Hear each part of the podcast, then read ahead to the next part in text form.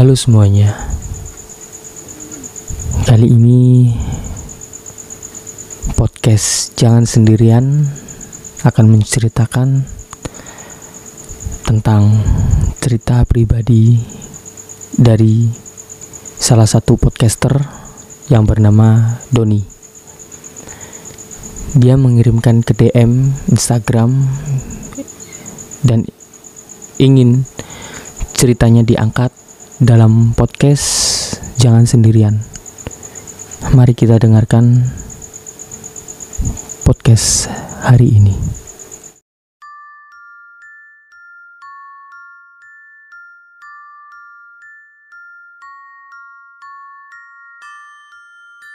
Awal mula cerita ini pada saat aku masih kecil.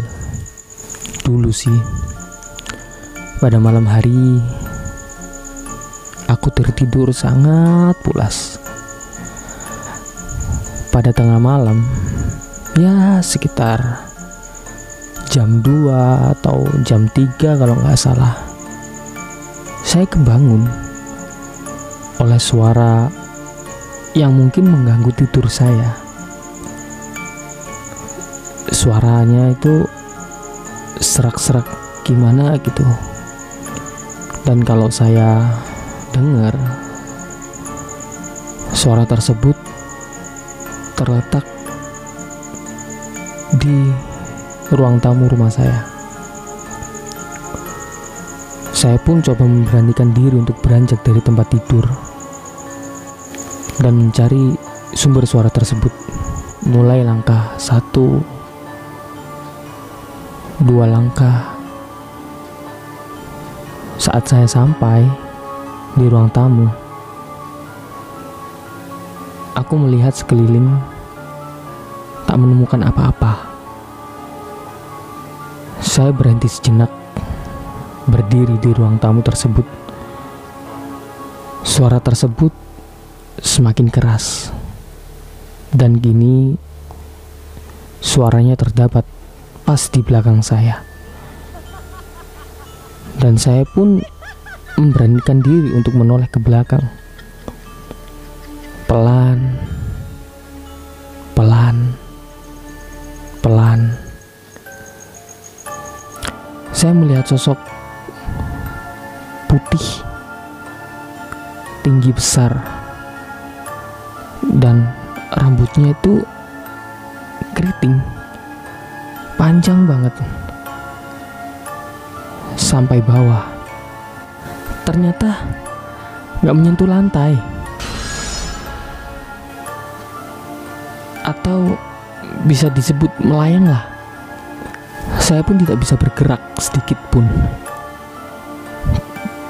berhadap-hadapan bertatap muka dengan sosok tersebut. Tak lama kemudian, sosok tersebut hilang. Dan menurut firasat saya,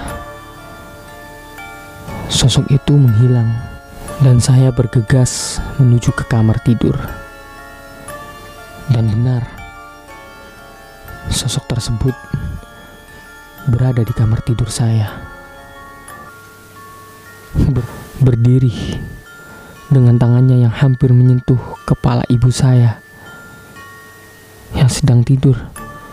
Saya pun ingin teriak, "Jangan, jangan, jangan!"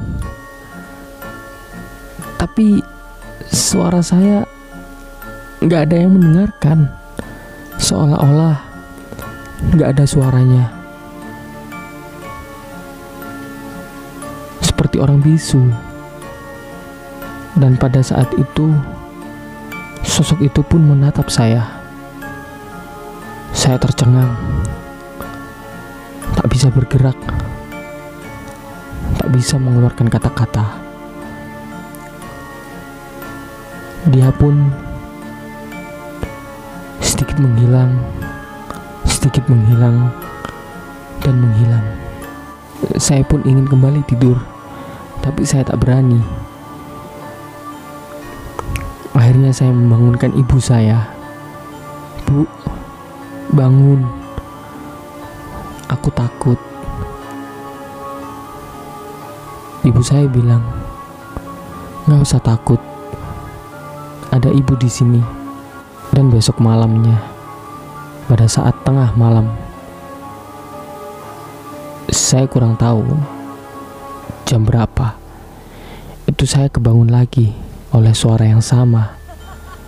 Dan dengan perasaan bodoh amat, palingan hantu yang kemarin, saya pun kembali tidur. Dan tak menghiraukan suara tersebut. Sekian cerita dari Doni. Terima kasih.